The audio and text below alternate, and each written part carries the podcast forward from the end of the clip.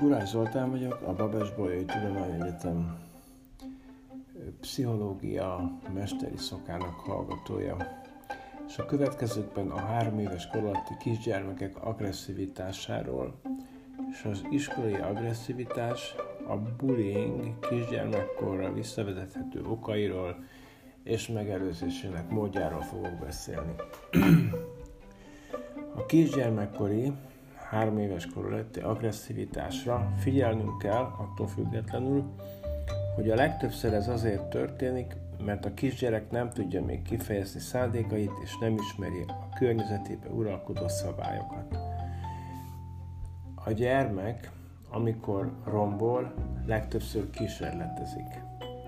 Vajon mi fog történni, ha ezt megteszem, vagy azt lejtem, stb. A társaival szemben agresszív gyereknél figyelni kell az agresszivitást előrejelző kommunikációt, és el kell küldeni a gyereket, vagy el kell vinni egy olyan helyre, ahol megnyugszik. Mindenképpen el kell kerülni, hogy az agresszivitással elérje a célját. Amint a kisgyermek más módon, beszéddel, gesztusokkal is ki tudja majd fejezni erős érzelmeit, az agresszivitás valószínűleg csökkenni fog.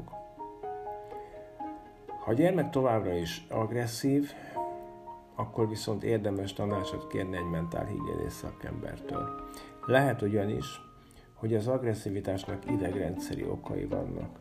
Megfigyelték, hogy a serotonin receptorok károsodása okozhat agresszív viselkedést, valamint az agy limbikus rendszerének is vannak olyan átmeneti zavarai, amelynek agresszivitás lehet a következménye. De a szakértők ezekben az esetekben is egybehangzóan azt mondják, hogy a három éves kor alatti agresszivitás, agresszív viselkedést a szülői közreműködéssel ö, csökkenteni lehet. Meg lehet szüntetni. Kisgyermekkori események azonban a későbbi iskoláskori agresszivitásra is hatással vannak. Ezért az iskolai erőszak bizonyos esetekben, esetekben előre jelezhető. Ebből pedig az következik, hogy meg, megelőzhető. Vannak gyerekek, akik nagy valószínűséggel lesznek bántalmazók, illetve áldozatok. Egy 2010-ben megjelent tanulmány szerint például az alkoholista szülők gyermekei nagyobb valószínűséggel lesznek elkövetők vagy áldozatok. A Buffalo Egyetem kutatói 227 amerikai családot vizsgáltak, a, amelyekben amelyek gyermeket neveltek. A gyermek egy éves korától 10 éves koráig tartott ez az úgynevezett longitudinális vizsgálat. A családokat úgy választották ki, hogy a családok 50%-ában legalább az egyik szülő, többnyire az apa, alkoholista volt. Általában mérsékelt alkoholisták voltak. A, a kutatásba bevont család tagok. A családok másik csoportjában viszont nem volt egyik szülő sem alkoholista. Egyébként a családok iskolai végzettség, jövedelem, kor tekintetében hasonlóak voltak. A korábbi kutatások eredményei alapján a tanulmány szerzői vizsgálták a gyermekek anyjukhoz való kötődését is. Ezt a gyermekek 18 hónapos korában laboratóriumi körülmények között végezték el. Azt látták, hogy az apa alkohol, alkoholizmusa az anyával való kötődési problémákon keresztül hat. Az anya alkoholizmusa viszont közvetlenül is hatással van a gyerekre. A későbbi iskolai agresszió vonatkozásában mindkét eset főleg a fiúgyermeket érintette. Itt szignifikáns összefüggést találtak a szülő alkoholizmusa és a gyermek későbbi iskoláskori agresszív viselkedések között.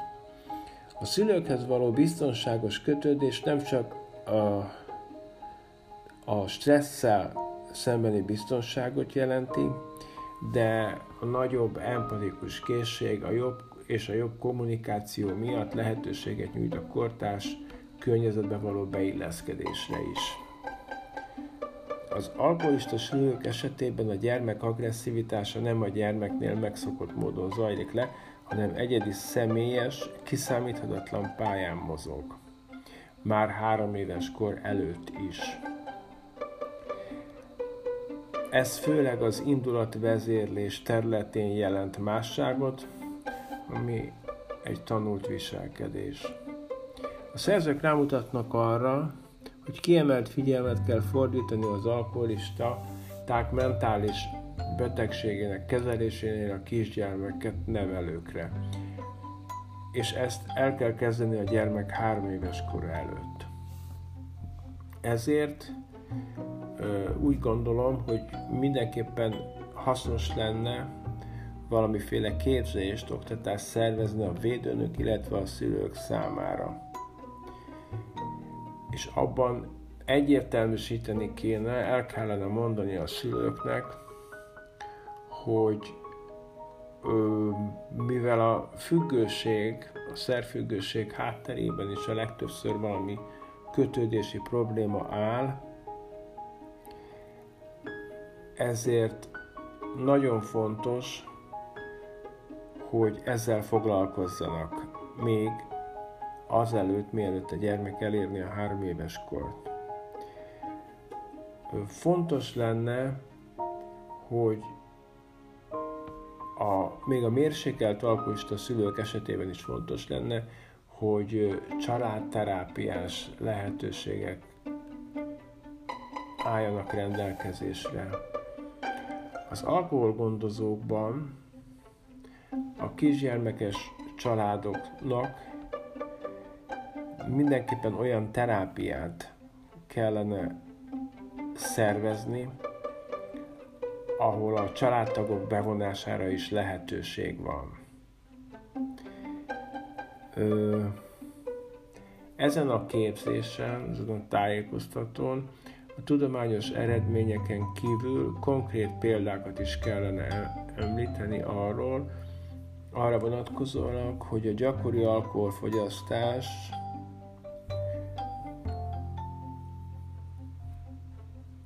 azt ne egy bocsánatos bűnnek tekintsék csak, hanem olyan módon kezeljék, ami a családi szerepek bizonytalanságára utal, és egyúttal jelzi a gyermekhez való kötődésnek a latens problémáját.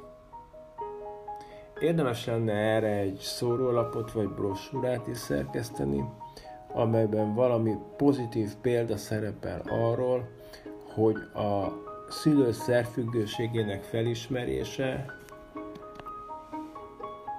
a, és a gyere, gyermek kezelése szerfüggőségének felismerése és kezelése a gyermek problémás viselkedésének a megszűnését eredményezte, eredményezheti. thank you